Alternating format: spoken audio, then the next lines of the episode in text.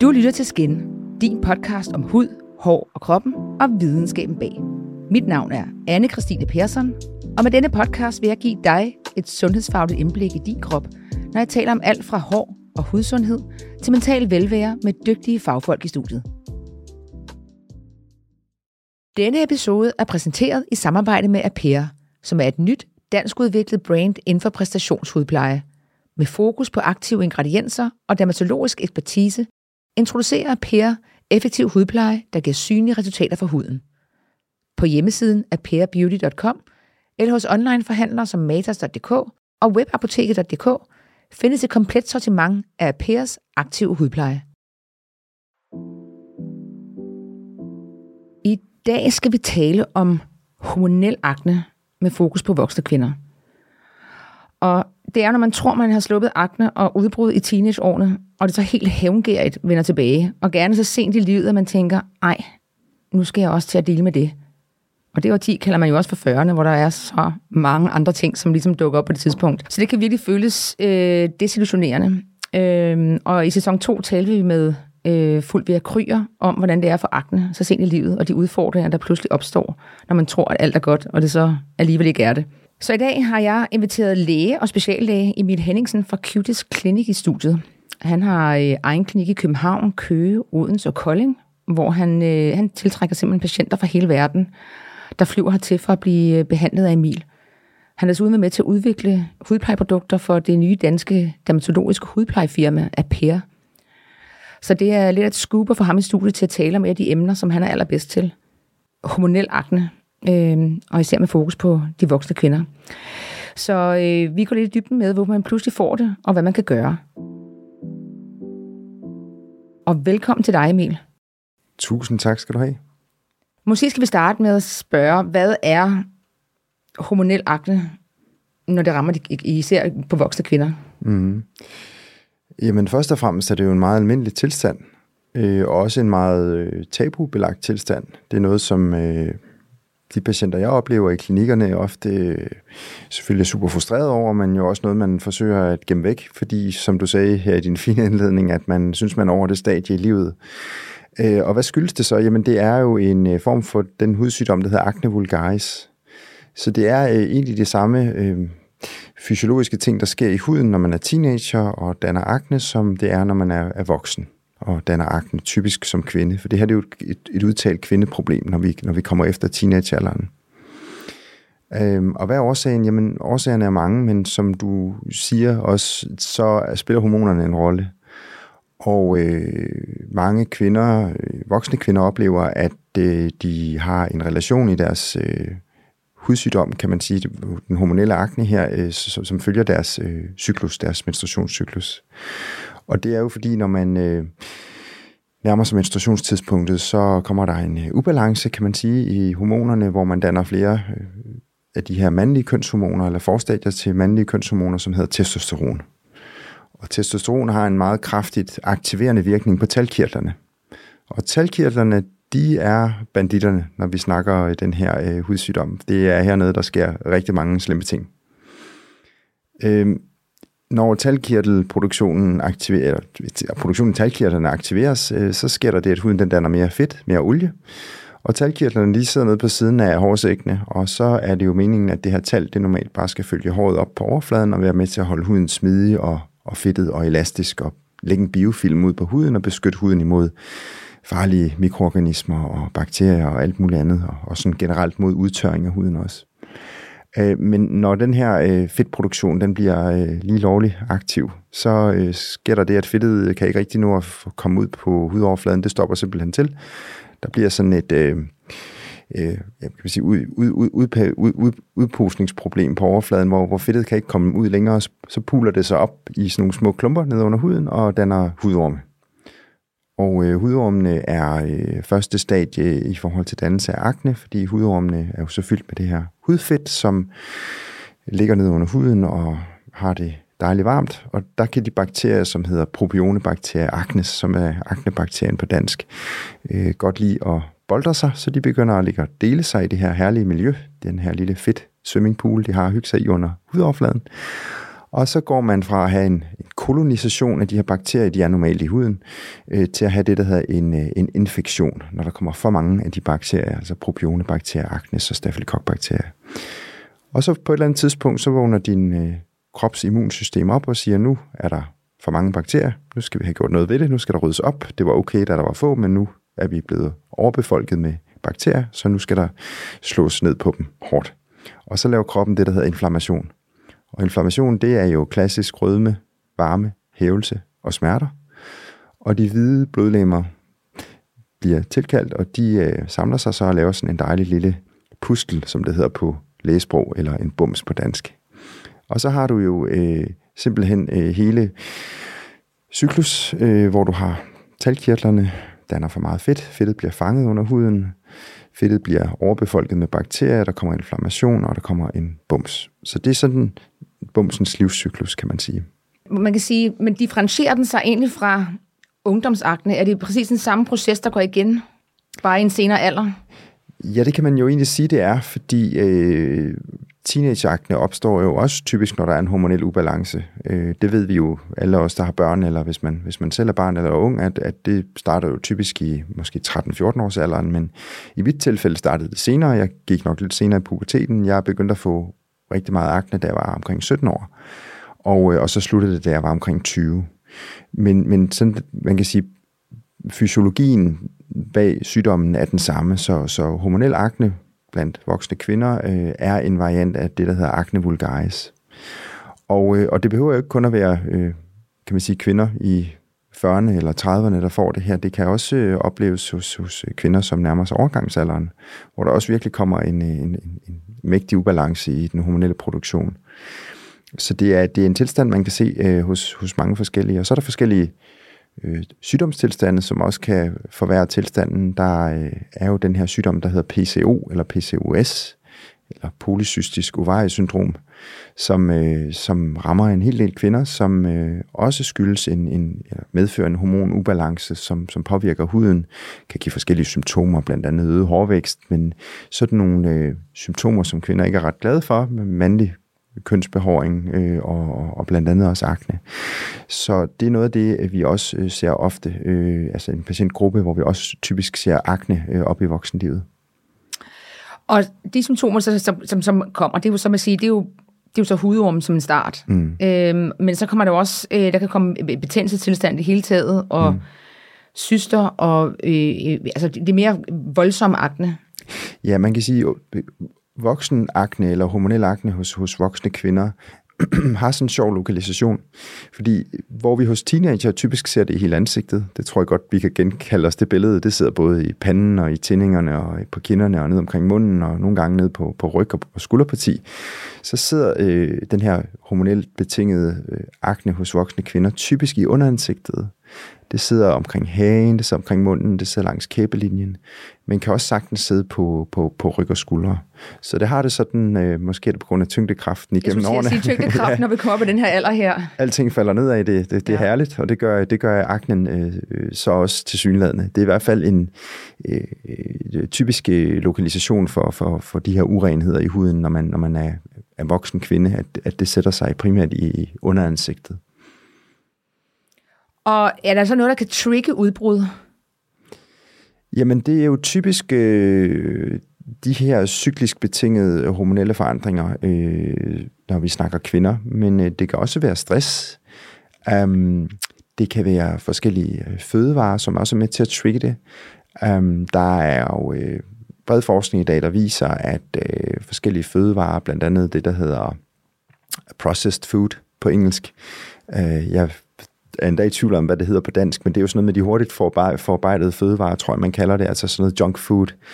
Øh, det faktisk kan, kan udløse akne. Øh, og øh, mælkeprodukter, mejeriprodukter, kan også hos nogen øh, forværre eller udløse akne. Så det, øh, det, det skal man selvfølgelig tænke på.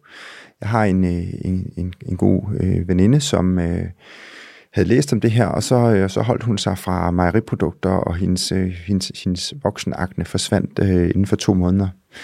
Øh, så nu kører hun sådan en mejerifri diæt, og har for første gang i sit voksenliv fået ro i sin, i sin akne. Så det kan man jo prøve.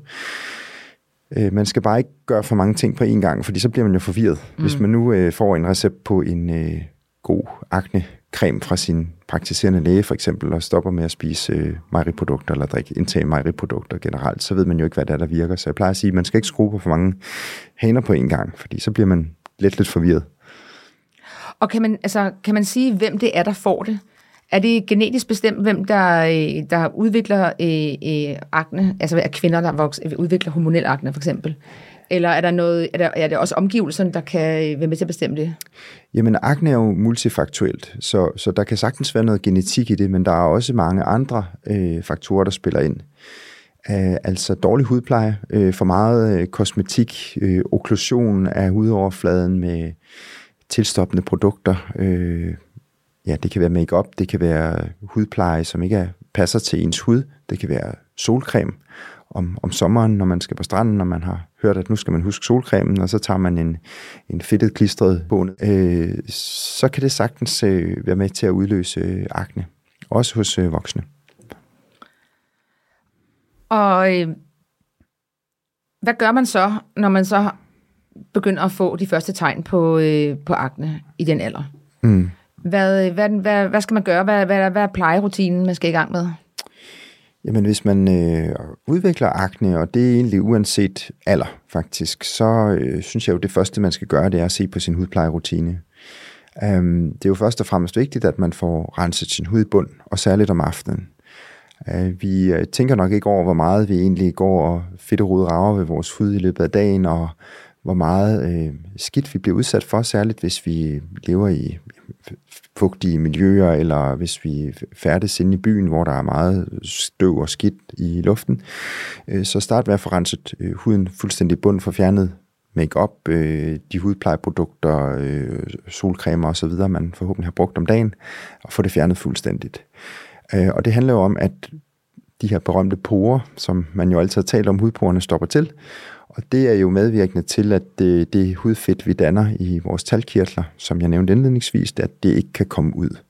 Og det skyldes jo den her okklusion, der er på overfladen. Så hvis man ikke starter med at få renset sin hud i bunden, så vil hudens øh, eget fedt jo ikke kunne komme ud.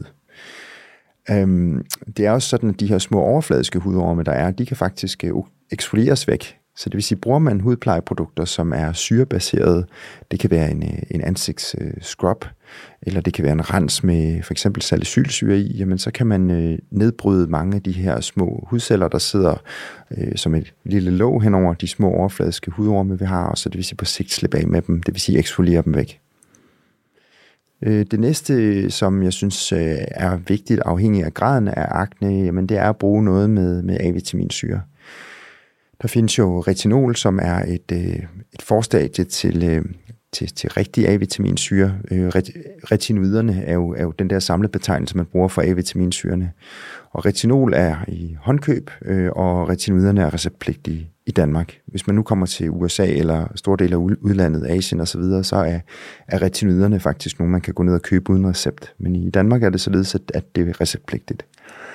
Øh, så et tyndt lag øh, A-vitaminsyre, enten noget retinolholdig øh, serum kunne det være, eller en receptpligtig A-vitaminsyre øh, som creme eller gel, vil være det første, jeg vil putte på huden. Og det skal man ikke bruge for meget af i et for tykt lag, fordi at det medfører faktisk lidt hudirritation hos langt de fleste. retinoiderne og retinolerne er kendt for at give rødme, lidt tørhed, afskalning, sådan generelt lidt eksemsymptomer. Og det er jo typisk øh, noget, man oplever, hvis man bruger det for meget. Sådan et klassisk eksempel er jo den her supermotiverede øh, patient, som kommer og tænker, nu har jeg fået noget, der virker. Nu skal det delen dul med bare puttes på et ordentligt lag, fordi jo mere jeg bruger det, desto bedre, og desto hurtigere slipper af med min, med min akne. Det kender, kender du nok også til.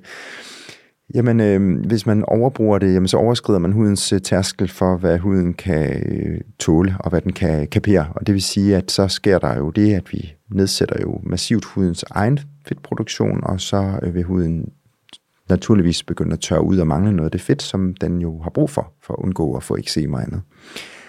Um, så det vil være step 2 efter rensen, det vil være at bruge noget A-vitamin øh, holdigt.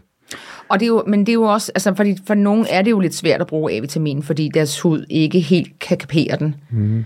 Så det er vel også noget med, med både at gå lidt langsomt til værks, mm. men er der også nogen, som simpelthen nødt til at springe det skridt over, fordi det er for voldsomt for dem? Jeg synes ikke, jeg oplever, at øh, patienterne ikke kan tåle A-vitaminsyre, så skal det være, hvis de har en underliggende anden hudsygdom. Det kunne være rosacea med meget sensitiv hud, og det har en stor del af befolkningen jo, og der er også sådan et ret stort blandingsbillede, hvor folk både har akne eller hormonel akne, voksen akne og, og rosacea. Så det skal man øh, selvfølgelig lige vurdere. Så det kan være dem, du refererer til, de der simpelthen har en, en, en, en meget sensitiv hud, der ikke kan tåle A-vitaminsyrene. Øh, Øh, men ellers så handler det meget om at introducere det langsomt, og det kender vi også for vores hudplejeprodukter generelt, at man skal øh, ikke bruge for mange nye aktive ingredienser på en gang, fordi øh, huden skal vende til. Jeg plejer at sige, at du tager heller ikke ud og løber en halvmarathon på din elendige grundform, hvis du ikke har været ude at løbe i 10 år. Så starter man måske ud med at gå, og så småløber man og lunder man lidt, og så øh, bygger man på efterhånden, som øh, kroppen bliver stærkere. Og det er fuldstændig på samme måde med huden. Huden den har også en tærskelværdi, øh, eller en tærskel, en barriere, kan man sige, for hvad den kan tåle, og den skal sådan øh, vokse stille og roligt over tid, jo mere man udsætter huden for det pågældende aktive ingrediens. Men kan man for eksempel bruge, vi har tidligere snakket om sandwichmetoden, mm. når man bruger øh, A-vitamin at det der med, at man først har noget fugt på, og så øh, retinol, og så fugt på en gang til. Ja. Men vil man kunne gøre det her, når man så også har øh, øh, hormonel akne? Øh, fordi det kan jo også godt komme til at måske at disrupte en lille smule? Eller, øh... Jamen, det er en super god pointe. Altså det, der er vigtigt, det, synes, det, det er jo, at man, at man, man anvender de aktive ingredienser.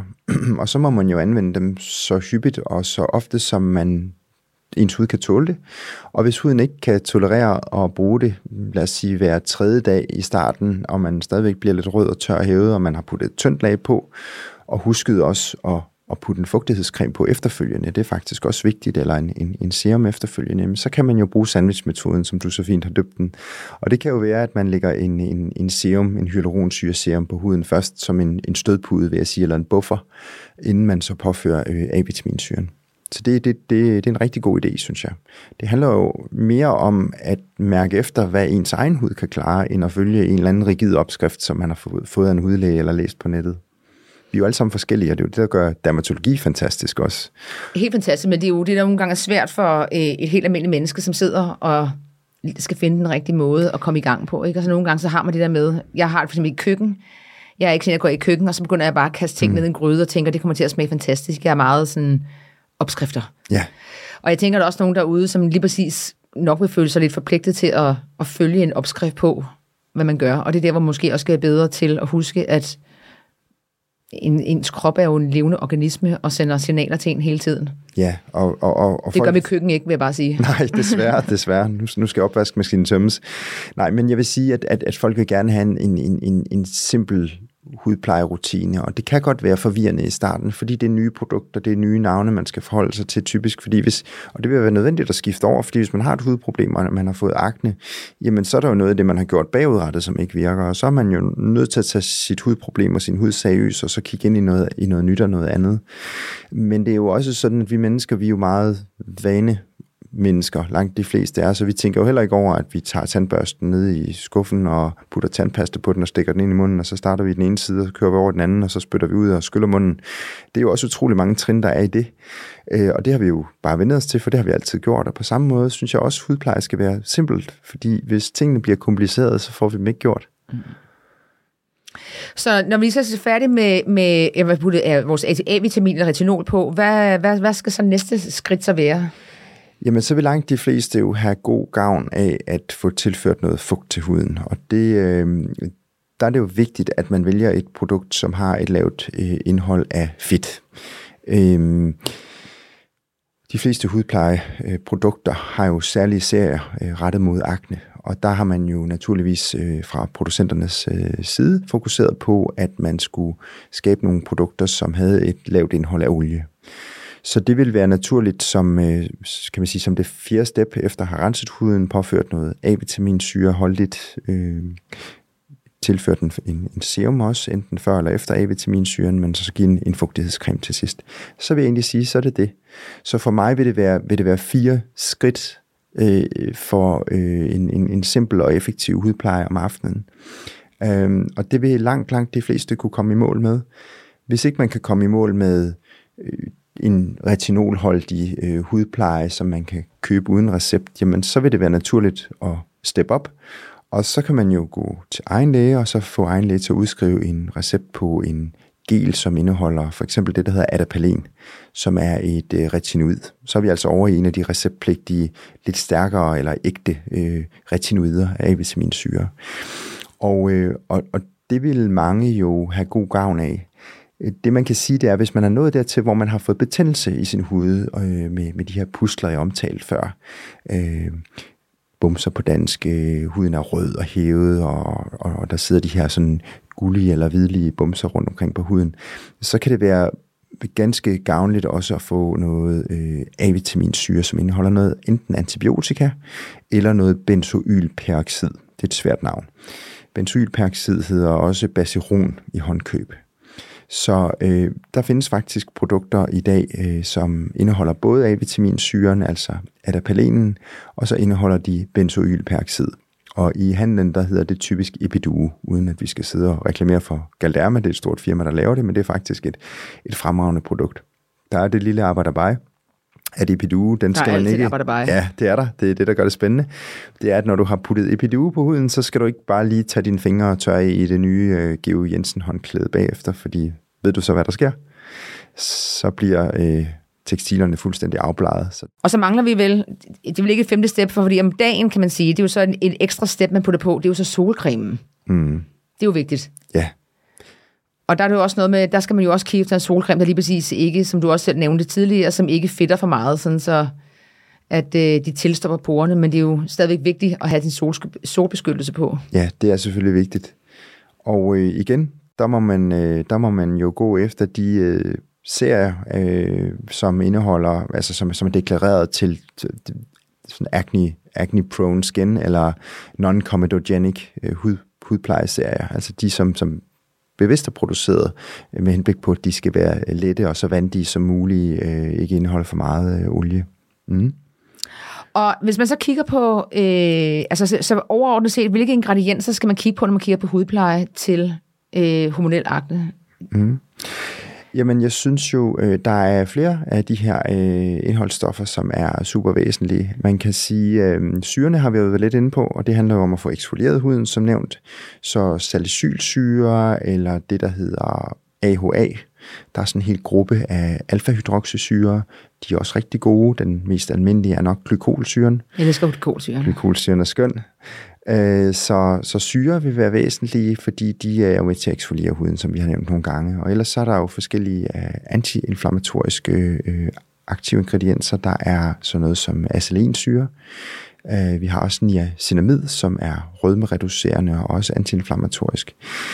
Um, og så har vi jo også A-vitaminsyrene, øh, retinolen, som, som jo er rigtig vigtigt. Så det er sådan nogle nøgle, nøgleingredienser, øh, som, som jeg vil kigge efter. Dette afsnit er præsenteret i samarbejde med Apera og deres udvalg af produkter til akne. Med den aktive ingrediens salicylsyre og antirødme ingrediensen Readiless bekæmper Apeas Redness Serum tilstoppede porer samt reducerer og beroliger rødme i huden. I kombination med Apeas Cleansing Gel, Peeling Mask, Redness Cream og Spot Stick udgør de Apeas Redness Kit mod akne, tilstoppede porer og fedtet hud. Og hvad med sådan noget som, når man så skal give sin hud fugt? Øh, der er vel også nogle udfordringer med, at det heller ikke, igen, det må ikke, det skal være, der skal være et lavt indhold af fugt, men samtidig skal give nok fugt, så man stadigvæk ikke får en udtørret hud. Så hvad, altså, er det sådan niacinamid, man så kigger på der for eksempel, eller er der nogle andre gode... Øh... Ja, altså det stof, vi har, som jo binder mest fugt per molekylevægt, det er jo hyaluronsyre. Mm, ja. ja, vi kan ikke, næsten ikke få for meget af den, vel? Og, øh, og det er jo sådan et, et, et, et, et det er jo et sukkerstof, øh, som dannes i vores øh, fibroblaster, faktisk, nede i den dybe del af læderhuden. Øhm, det er jo ret interessant, når man for eksempel laver laserbehandlinger, hvor folk typisk taler meget om kollagen og elastin, som jo også kan være vigtigt, hvis man har, ja, hvis man er oppe i alderen øh, og har den her hormonelle voksnakne, men, men, men fibroblasterne danner faktisk også hyaluronsyre. Og det kan vi se med de laserbehandlinger, vi laver, at huden faktisk ofte får et mere fugtet indhold også.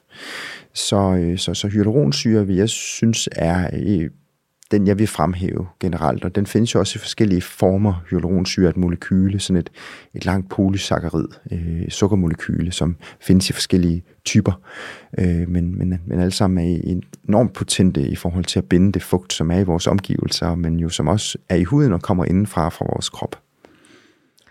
Og er der så, øh, hvis man kigger på andre dele af ens, øh, man kan sige, vores, ens egen rutine, kan man kigge på sådan som, nu sådan, nævnte du selv, sådan noget med, at man skulle holde sig væk fra, øh, at der, man potentielt kan, kan øh, holde sig væk fra øh, mælkeprodukter, og det kan have en positiv øh, indvirkning. Er der andre ting, som, kan man fx tage kosttilskud? Vil det have en positiv effekt på, øh, på det? Jamen, der er faktisk studier, som viser, at det zinktilskud kan have en, øh, en gavnlig virkning. Øh, jeg har primært set studierne hos øh, unge mennesker, som måske ikke spiser altid den bedste kost. Men zinktilskud, som man kan få ved materialisten eller i, i Matas, vil jeg da helt klart også overveje. Og er der noget med altså, ændringer i ens vaner øh, generelt? Øh, jeg synes, jeg har hørt noget med det der med, det kan jeg huske, vi snakkede om i hvert fald med fuldt, vi sagde om det. For eksempel det med at huske at skifte sit øh, sit pudbetræk, mm. øh, fordi der gemmer sig rigtig gode bakterier, øh, hvis man ikke vasker den hurtigt nok, eller man bruger det samme håndklæde for ofte, eller... Ja, altså det, øh, der har også været studier omkring det med mobiltelefonen, om det betyder noget. Ja, bakteriebomben. Den, øh, bakteriebomben over dem, over, over dem alle. Um, jeg, øh, jeg vil sige, altså hvis man, hvis man har en normal øh, hudflora øh, og har en, en, en normal hudbarriere, så, så bør det ikke være et problem i praksis. Øh, men man kan jo sige, at det der problem opstår, når du har akne og uren hud, det er jo, at din hudbarriere den bliver den bliver lederet. Altså du får jo masser af små huller og rifter ned i huden, så udefrakommende mikro- mikroorganismer lettere kan, kan trænge ned og begynde at lave øh, ja, uorden og ubalance i hudens, øh, i hudens øh, ja, flora, kan man sige. Ikke? Så, øh, så, så, så ja, bakterier på, på hudoverfladen spiller, spiller bestemt også en, en rolle, og derfor igen er det jo også vigtigt som en fast del af sin aftenrutine at få renset huden, og få vasket den i bund og få fjernet alle de her mikroorganismer og fremmedlemmer, der sidder på hudoverfladen. Og nu kommer der det vigtigste spørgsmål med alle sammen, føler jeg. Skal man klemme bumser, eller skal man lade dem være i fred? Altså, ja. en ting er, man kan sige, at man kan prøve at holde dem væk ved at huske at, at, at rense og eksfoliere sin hud. Mm. Men når de er der, klem dem eller ej. Og jeg elsker, at du stiller spørgsmålet så direkte, fordi det kommer jo an på, hvordan, hvordan den ser ud. Hvis jeg nu må give dig et eksempel fra min hverdag, Endelig. ja, så har jeg jo simpelthen øh, kvinder indimellem, som kommer ind og ligner nogen, der har været op og slås med en kat. Du kan ikke øh, se øh, en eneste bums noget som helst sted, men de har jo øh, rifter og og sår og, og krasmærker overalt i huden. Og det er, jo, det er jo de der sådan nogle gange lidt neurotisk prægede patienter med lidt måske træk af OCD, som ikke kan se den mindste lille dims på huden, uden at så skal det have en ordentlig tur med neglene. Og det har en fin latinsk betegnelse, der hedder acne excoriae, og det er faktisk øh, vanskeligt at se, om de overhovedet har akne, fordi man øh, kan nærmest ikke se nogen som helst små hudorme på huden, fordi de får alle sammen nogle tæsk, lige så snart de dukker frem. Øh, det er jo selvfølgelig den øh, ene del af det ekstreme spektrum, øh, og det skal man selvfølgelig ikke gøre, fordi der kan man jo påføre huden en langt større skade med sine øh, negle. Så i udgangspunktet skal man jo undgå at pille og krasse øh, i huden. Øh, så ser vi også den anden ende af spektret, så ser vi jo nogle gange patienter, som kommer ind med store, spændte, hvide uh, bumser på huden, hvor man næsten er bekymret for, om, om de skal springe, bare de, de tager deres jakke på. Ikke? Og, og sådan nogle må man jo selvfølgelig godt forsigtigt uh, fjerne, så man ikke har sådan en, en, en stor gul bums lige midt på næsen. Uh, hvis man så skal gøre det, så vil jeg jo anbefale, at man får uh, fugtet huden rigtig godt, at man går i et godt dejligt varmt bad, får vasket vaske sin hud godt i bund, og så forsigtigt med for eksempel to vatpinde øh, presser dem, og så skal de altså relativt øh, let åbne sig, ellers øh, så øh, skal man lade dem være. Fordi det der, det, der kan ske, det er jo, at, at hvis ikke de brister på overfladen, så vil det her tryk, der er i bumsen, det vil brede sig nedad til, og så vil der simpelthen komme en, en, en ruptur, altså en, en brist af, at den her follikel, altså den her hårsæk med metalkirtlen på siden, som sidder nede under i al fred og fordragelighed.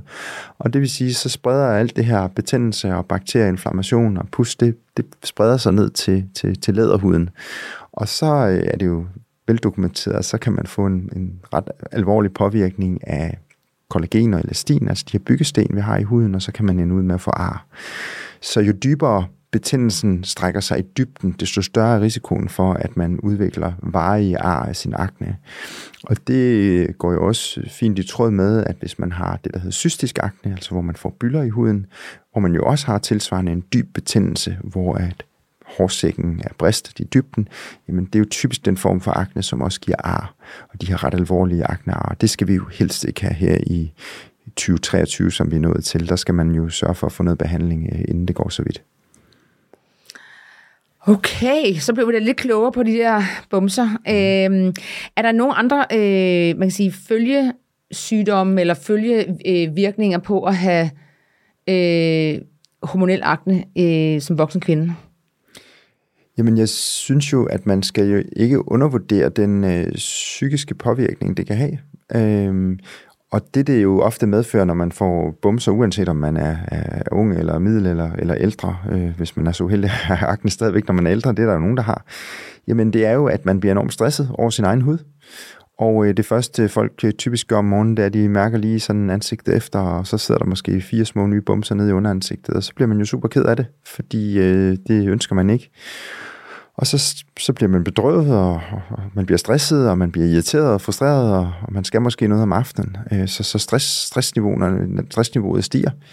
Og, og stress er jo et af de andre en af de andre faktorer, som også kan have en, en forstærkende virkning på akne, så kan det blive sådan en rigtig ond spiral, hvor det at leve med akne kan være stressende og faktisk er medvirkende årsag til, at man, man har sin akne. Så det kan blive en ond spiral.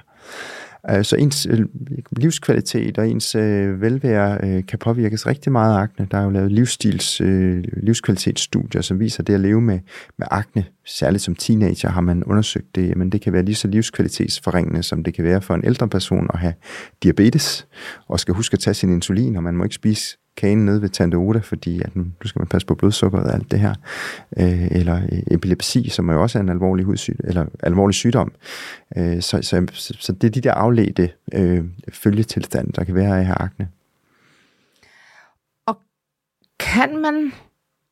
Nu vil jeg se, om man kan prøve at vende til noget positivt. Mm. Øh, jeg synes, man, at der er sådan noget, man, man, man kigger på, øh, hvordan ens hudkvalitet bliver, som man bliver ældre, og Øh, jeg har mere tendens til tør hud, og folk med tør hud har en tendens til at få rynker tidligere end folk, der har en fedtet eller olieret hud, for eksempel. Hvis man nu kommer til at få voksenakne, og dermed får en mere fedtet hud, mm. vil der så være vil det, vil det så gøre en, en gavnlig effekt på deres, øh, øh, deres måske hvad, hvad hedder, deres aldrende hud, at de får mindre rynker? Eller er det en simplificering af sagen? Øh, jeg kan ikke svare dig præcist på, om, om, om aknen den skulle i sig selv give øh, færre rynker, men, men det, man, det man kan sige, der jo ofte sker, det er, at der danner sig jo noget arvæv.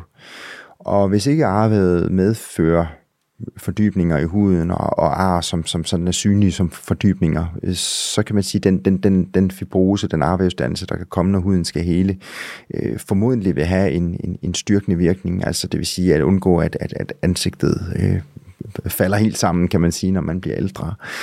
Øh, der sker også øh, ofte det, at man jo, når man skal slippe af med sin akne, jo begynder at bruge aktive ingredienser, som vi snakkede om. Og det at begynde at bruge øh, A-vitaminsyre er jo ikke bare godt for ens akne, det er jo også øh, rigtig godt øh, i forhold til den her øh, kollagenproduktion, øh, som vi jo taler så meget om, og folk går og spiser kollagenpulver i dyredomme osv. Så, videre. så, så der er nogle, nogle sekundære gevinster ved at få behandlet sin, sin, sin akne øh, i forhold til at, at opnå en, en, nogle afledte gode effekter, altså rynkereduktion, reduktion af, af porer, øh, pigmentpletter og andet. Så de her aktive ingredienser, de virker jo ikke bare på aknen, de virker også på rigtig mange andre ting, og stimulerer jo cellefornyelsen i, i overhuden, så man får færre af de der døde, lidt grå, triste celler i huden, som gør huden lidt mat og trist, og får en mere vital, livlig hud. Og kan man så snakke om, vil det forsvinde igen? Ligesom man, når man var ung, og man havde øh, øh, akne som ung, så var der et tidspunkt, så holdt det pludselig op. Vil det være det samme, som når man er kvinde i for eksempel 40'erne, og man får den der hormonelle akne? Vil det forsvinde igen, eller vil det være en periode, vil sige, så er det en treårig periode, man skal igennem, eller hvad, hvad kigger man ind i? Altså hvis det er øh, hormonelt betinget. Hvis det kommer, hvis det kommer fra noget i kroppens kan man sige, egen ubalance i hormonerne, eller, eller kroppens egen overfølsomhed på, på de hormoner, som kroppen normalvis skal danne og bør danne, jamen, så kan man jo ikke forvente, at det forsvinder øh, af sig selv. Så vil det være noget, som kvinder jo typisk har frem til, de går i overgangsalderen. Og så vil det jo normal, normalvis øh, brænde ud på det tidspunkt, og det kan jo være alt fra ja, det gennemsnitlige tidspunkt for overgangsalder omkring 50 år. Ikke?